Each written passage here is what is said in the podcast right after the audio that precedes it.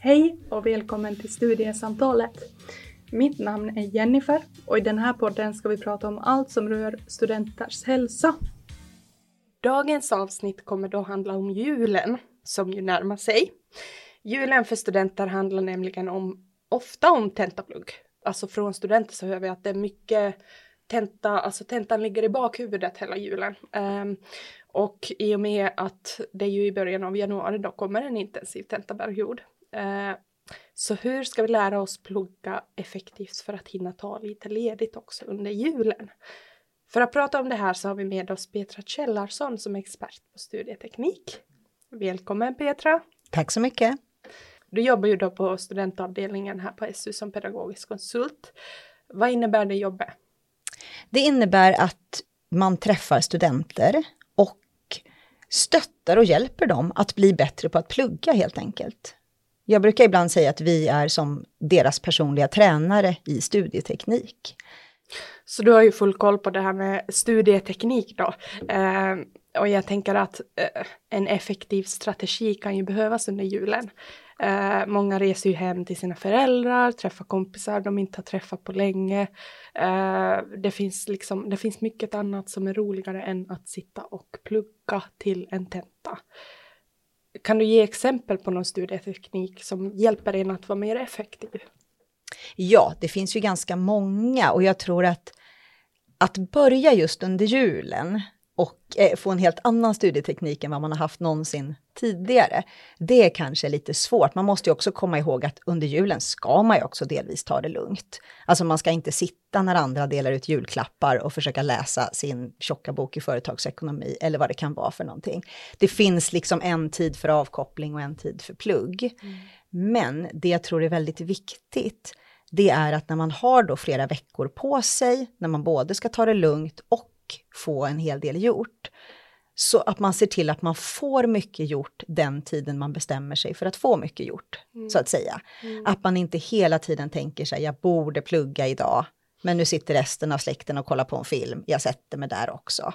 Det här, och där tror jag att det handlar ganska mycket om tre olika saker skulle jag säga. Mm. Det ena är att vara aktiv när man väl pluggar. Alltså att kanske bestämma sig lite grann, vad är det jag ska göra idag när jag pluggar? Inte bara det här, jag borde plugga hela dagen, utan bestämma sig för vad är det jag ska göra idag? Jo, i tre timmar så ska jag lära mig alla teorierna i kapitel två. Och sen i slutet ska jag kolla att jag kan dem. Mm.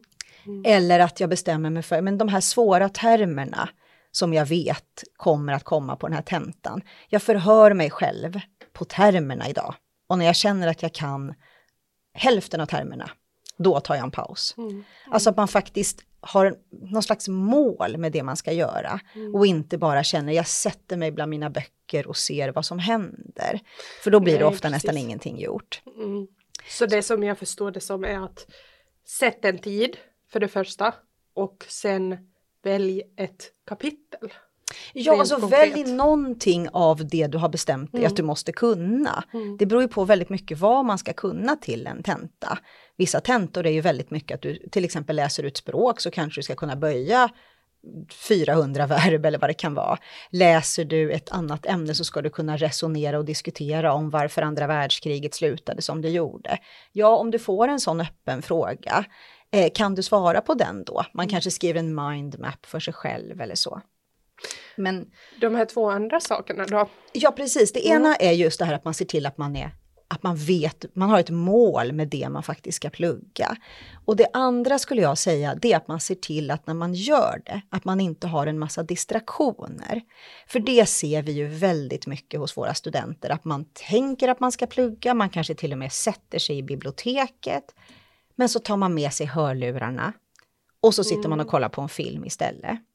Alltså jag kan Jaha. säga till studenter så här, studenter som säger, nej men jag trycker ju alltid på Netflix-ikonen på datorn. Ja men ta inte med dig hörlurarna till biblioteket då, för då hör du ju ingenting på din film. Då blir det i alla fall lite värre. Man kanske stänger av alla notiser på mail i datorn. Man kanske inte ens jobbar via datorn, man kanske bara tar med sig papper, penna och sin bok till mm. biblioteket. Datorn är inte ens i väskan vilket är helt unheard of för många studenter. Men att se till att liksom, jag har bara det jag faktiskt ska koncentrera mig på. Och det här med forsk det finns ju mycket forskning som visar att man pluggar bättre och man gör bättre ifrån sig på tentor om man har sin mobil i ett annat rum. Det finns många mätningar på det som säger just det här att du behöver ha den i ett annat rum för att du ska fokusera helt och hållet. Så jag säger ofta till studenter att bor man trångt, då kan man sätta sin telefon på flygplansläge och så lägger man in den i badrummet till exempel. Det är det här att det ska finnas en dörr mellan dig och din mobil som gör att din hjärna på något sätt släpper att alltid kolla vad som händer och sådana saker. Så det här att ta bort distraktionerna, eller är du hemma och du börjar städa varje gång eller du bokar tvätttid eller sådär. Se till att du sitter någon annanstans, lite out of sight, out of mind så. För mycket forskning visar ju också att om du blir avbruten så kan det ta en timme tills du kommer tillbaka i samma mm. koncentration där du var innan. Mm. Och en bok som handlar om en viss sak, den är ju ofta skriven för att du ska läsa den på ett sätt där du faktiskt kommer in i ämnet och inte hela tiden blir avbruten. Mm. Och den tredje delen skulle jag säga, det är att när du inte pluggar, se till att koppla av. Och då handlar det ju om att också känna sig själv, alltså vad är avkoppling för mig? Så, att för vissa människor är det att sticka ut och springa. För en del är det inte alls att sticka ut och springa. Det här att man kan inte låna någon annans studieteknik eller låna någon annans sätt att koppla av. Utan det handlar ju väldigt mycket om så här, vem är jag? På vilket sätt pluggar jag bra? Och på vilket sätt kopplar jag av bra? Och vi var, du var ju inne på det lite, men just det här med prokrastinering, eh, det tänker jag att blir aktuellt under julen. Man vet ju att man borde plugga, man har eh, den här tentan i bakhuvudet. Eh, hur ska man liksom undvika då att prokrastinera och skjuta upp studierna och ändå kunna njuta av den lediga tiden som man har? Jag tror att en viktig sak handlar om att ha fokus på målet. Att inte titta på jag gör det här för att jag har tenta nästa torsdag. Utan så här, ja, men jag läser ju ofta en utbildning eller en kurs som jag ska ha till någonting. Jag ska bli legitimerad psykolog eller jag ska vara arkeolog eller vad jag nu ska göra. Ja, men då behöver jag ju kunna det här som tentan handlar om. Att hela tiden försöka sätta sig in istället i på vilket sätt ska jag ha det här i mitt yrkesliv eller mm. i mitt fritidsintresse eller i den här föreningen jag är med i eller vad det kan vara för någonting. Att tänka mm. på vilket sätt ska jag som person inkorporera den här kunskapen i mitt liv och vad ska jag använda det till? Istället för bara jag ska kunna det nästa torsdag och sen så ska jag glömma bort det. Mm. För tänker man så, så först läser man ju ofta litteraturen på ett annat sätt. Du ser vad som är viktigt och så. Eh, men du får ju en helt annan både inre eller yttre motivation till att göra det. Men sen tycker jag också så här många gånger, ja, det är ju inte det roligaste att göra under julen. Och att man får ge sig själv att det kanske inte är så jättekul att plugga, framförallt om man åker till sin hemstad och alla kompisarna samlas som man inte har sett på jättelänge och så. Det är klart att det finns mycket som drar. Och det är ju roligt att det gör det. Att man har andra intressen i livet och man har vänner och allt möjligt så. Men att då bestämma sig för att man kanske tidssätter sitt pluggande. Mm. Alltså det här, jag ska plugga i sex timmar idag.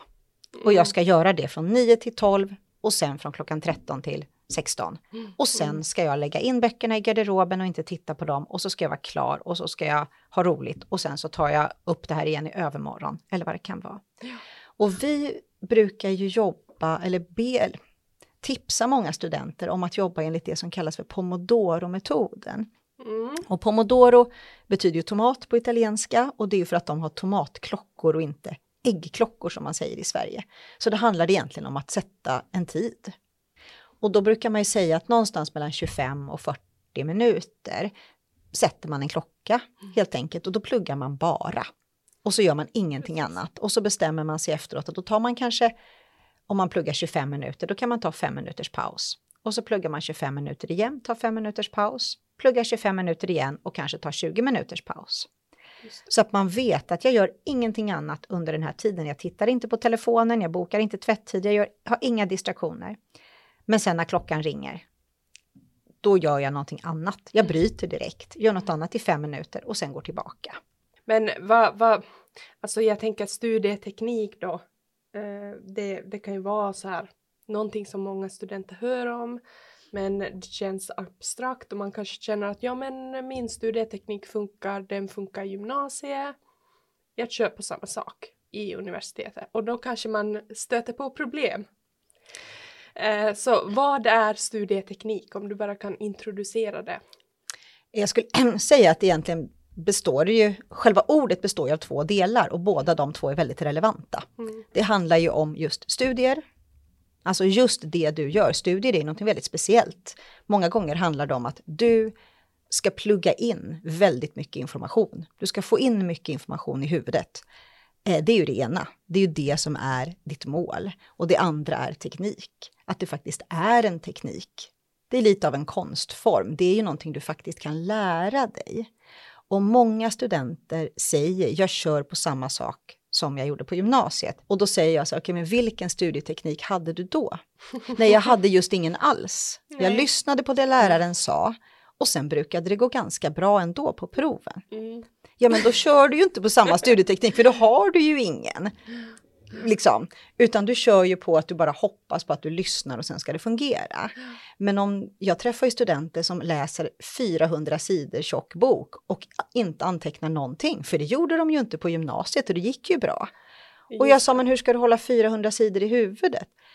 Nej, men jag har ett ganska bra minne sådär så jag tänker mm. att det ska mm. fungera. Ja, men just det där att förlita sig på minne. Ja, och då säger man det är ju det helt omöjligt. Här är ja. kanske, du kanske har 250 viktiga termer, du kanske har 40 olika teorier, du har jättemycket olika fall eller historiska händelser eller du ska jämföra saker. Hur i hela friden ska du komma ihåg allt det här? På bara några veckor och sen har du en till bok också. Så att just den här anteckningstekniken är ju en viktig sak.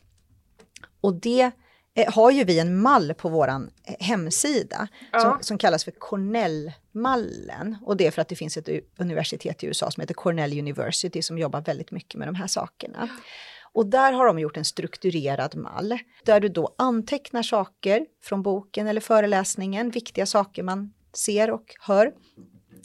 Eh, på vänsterkolumnen så det står nyckelord på svenska, att man ska anteckna viktiga nyckelord. På engelska står det questions.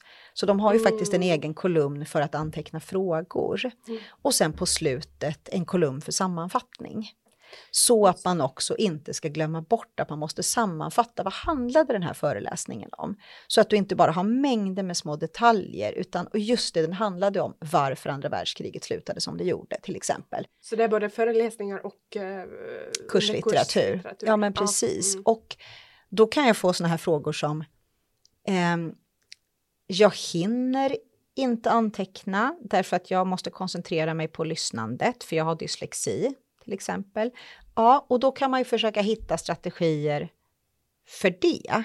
Du kanske lyssnar på en bok, om du har dyslexi, då kan du stänga av den och så kan du spela in dig själv med mobilen, alltså att du antecknar i tal så att säga. Och använda sådana här diktafonhjälpmedel som gör att det du säger sen skrivs ut på papper till exempel. Och om jag ska säga någonting om läsande också, ja. så har vi också en läsmall på vår hemsida som jag också tycker är väldigt bra. Ja. Där man fokuserar på att man gör ungefär lika mycket före läsningen, under läsningen och efter läsningen. Och där kommer väldigt många studenter med den tekniken de hade på gymnasiet. Att mm. säger läraren, du ska läsa sidan 40 till 75 i historieboken, då börjar man på sidan 40 högst upp och så mm. läser man till sidan 75 och sen är man klar. Det funkade när man hade ett prov på kanske 35 sidor. Har du idag ett prov på 1000 sidor så fungerar det inte riktigt på det sättet. Utan då brukar vi säga lägg mer tid på det som händer innan du börjar läsa. Läs baksidestexten, kanske googla upp hur författarna ser ut, vad handlar den forskningen om som de brukar jobba med. Du skapar dig liksom en bild av vad ska den här boken handla om? Du läser vad de olika kapitlerna heter till exempel. Du kanske tänker efter, vad kan jag om det här innan? Och vad behöver jag kunna? Jag, jag, jag kom på det här med gymnasiet och den studieteknik inom citationstecken som man då har. Eh, är det någonting som du hör om mycket från studenter att ja men jag kör på samma, samma sätt som jag har gjort tidigare och det, det funkar. Och vad, vad, tyck, vad tänker du då, då du hör det? Eh, jag tänker lite både och därför att många studenter vi träffar har en jättevälutvecklad studieteknik. Mm. Alltså de vet precis vad de ska göra. Och eh, antingen, vissa är väldigt analoga, alltså man har mycket överstrykningspennor, man har mycket post-it-lappar, man köper all litteratur, man skriver anteckningar i boken och så.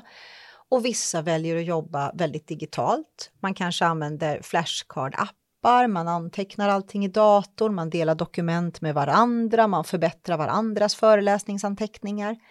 Och, Känslan som jag får är ju kanske att de flesta är mer digitala. Ja, det beror på faktiskt. Ja. ja, jag möter mycket studenter som har liksom pennskrin med fem olika överstrykningspennsfärger och Aha. mycket, alltså mycket ja. analogt så Oj. också. Ja. ja. Eh, och, och det spelar Var det ju bättre då? Så här. Jag skulle säga så här, använd den teknik som funkar för dig, helt mm. enkelt. Det finns forskning som visar att det finns fördelar med att skriva på papper och att läsa på papper till exempel läser du en krånglig vetenskaplig artikel så skulle jag råda studenter till att skriva ut den och inte läsa den på dator, för du läser slarvigare och du kommer ihåg mindre av det du har läst på mm. dator än det du läser på papper, till exempel. Eh, men det finns okay. fördelar. Det finns alltså forskning som visar att här, om man läser på en dator så är det man lär sig mindre. Du lä precis, du läser snabbare, men du läser slarvigare. Aha. Så. Mm. Och antecknar du så finns det fördelar att anteckna på papper också, därför att själva rörelsen du gör med armen när du formar bokstäverna gör att du minns bättre det du har skrivit. Mm. Finns det också forskning på. Men då finns det de som tycker att nej, men det är bättre att ha alla dokument samlade i datorn. Jag kan dela det med mina kursare, jag kan förbättra mina texter. Annars har jag ett A4-block som jag glömmer hemma och sådär. Och sen å andra sidan, men ett A4-block får inte slut på batteri. Ett A4-block kan in, har ingen Netflix-ikon så du kan hålla på med annat. Det finns för och nackdelar med båda delarna. Mm. Men det viktiga tycker jag, det är att man har en aktiv teknik. Mm. Alltså att du, du jobbar hårt för att skriva ner viktiga ord, oavsett om det är på papper eller i ett Word-dokument. Mm. Du jobbar hårt för att repetera det du har lärt dig, inte bara sitta och stirra på dina föreläsningsanteckningar i största allmänhet. Mm. Mm. Så att som svar på din fråga om någon säger jag använder den teknik jag hade på gymnasiet. Ja, det kan vara alldeles utmärkt. Fortsätt med den. Men om du inte hade någon, eller om du hade en som funkade då, för det är många som säger det funkade då, för kraven var inte så höga.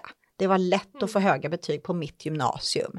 Eller det var inte så många i klassen som pluggade så hårt. Jag som gjorde det fick de bra betygen mm. eller så. Mm. Och sen så kommer de hit och kanske har ett, en bild av sig själva som den där som är ganska duktig. För att man var det i relation till de andra. Och så får de en chock vid första tentan. Och så får de en riktig chock här och så använder de sin studieteknik som de tycker att de har då och sen fungerar det inte alls och så kommer de till oss och knackar på och säger jag vet inte vad jag ska göra. Jag har liksom tappat det. Jag trodde att jag var bra på det här mm. och nu får jag F på mina tentor.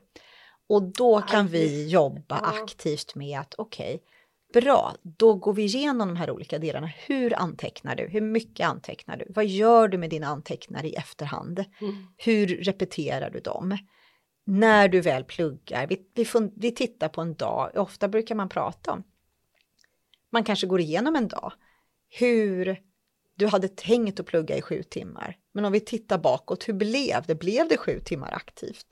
Och då är det många studenter som upptäcker att de tror att de pluggar hela dagarna, men de sitter i grupprum och kollar på TikTok. Eller de liksom fikar mm. extremt länge. Eller de är hemma och inser att de bara gör allt annat hemma julpyntar eller vad man gör. Mm. Så att den här aktiva pluggtiden blev kanske en timme, fast mm. de har upplevt sig själva som att hela dagen gick åt till att plugga. Mm. Precis, och då kommer vi ju in lite på det här med ork och liksom mående generellt med, med plugg. Att, att man kan faktiskt må bättre genom att ha någon slags fungerande studieteknik. Eh, uh, vad, vad, säger du, finns det några tecken på att man mår bättre om man har studietekniker som, som funkar för en själv? Alltså, att ha studieteknik blir ju också någonting ganska flytande, för ingen har ju ingen studieteknik alls så att säga. Då skulle man ju inte gå på någon föreläsning mm. eller öppna någon bok eller göra någonting. Så att det är ju också lite av en gradskala så. Men det är klart att de studenter vi träffar som tycker att det är jobbigt, det handlar ju väldigt mycket om att de upplever sig själva att de prokrastinerar. Att jag borde ha gjort det här, men jag, får all, jag gör det inte. Och så mår jag dåligt över det för tentan närmar sig och jag märker att jag inte har gjort det jag ska. En annan studentgrupp är ju de som, som mest känner att de sitter förvirrat och klickar på massa olika saker på Athena fram och tillbaka. Och att mm. de inte riktigt får något grepp om vad de faktiskt bör göra på en vecka. De försöker göra allt samtidigt, men det blir ingenting riktigt av någonting. Och den, en tredje grupp är ju de som tycker att de ja, de sitter mest hela tiden. Eh, men är lite förvirrade kring har jag gjort rätt? Har jag svarat på frågan? Men jag släpper det inte. Så man kan ju träffa studenter som sitter liksom 16 timmar om dagen och bara gör om sin, sitt svar och klipper och klistrar och flyttar om och sådär. Att man fastnar väldigt mycket i en uppgift som man kanske borde säga till sig själv. Yes, bra. Nu är jag, nu är jag nöjd en person, min lärare, kommer läsa den här texten. Det här är ingen text som jag kommer att använda när jag söker jobb eller så. Mm. Många har lite mm. svårt ibland att lämna ifrån sig material. Man får Just det här stora prestationskravet istället, att det ska vara den bästa text jag någonsin har skrivit i mitt liv. Och det behöver ju ofta inte vara det, utan liksom good enough många gånger. Mm. Men för båda de här grupperna så brukar vi många gånger jobba med ett vanligt veckoschema, så här vanlig hederligt kalenderschema som vi också har på vår hemsida, om man kan ladda ner. Där vi då försöker skriva in hur en vecka ser ut. Och vi tittar tillsammans då under en sån här individuell handledning. Då plockar man upp, men vad står det på Athena, vad, du, vad ska du göra? Jo, men till föreläsningen på tisdag ska jag ha läst kapitel 2 och 3 och till torsdag klockan 18 ska jag ha lämnat in det här och så. Och om man då ritar upp hur skulle den här veckan kunna se ut, då ser de ju ofta också efter en vecka att blir det här rimligt? Om jag ska göra så här i mm. fyra år, blir det liksom hållbart? Och vad kommer min partner säga eller mina kompisar eller vad det nu kan vara för någonting. Mm. Så att skaffa sig den här överblicken och se det jag gör mot mig själv. Är det rimligt och hållbart utifrån de målen som jag har satt? Då tror jag att vi avrundar dagens avsnitt. Det har varit jätteroligt att prata om de här sakerna och jag hoppas att det kommer hjälpa studenter där ute. Eh, tack för att du kom Petra. Tack så hemskt mycket att jag fick komma hit.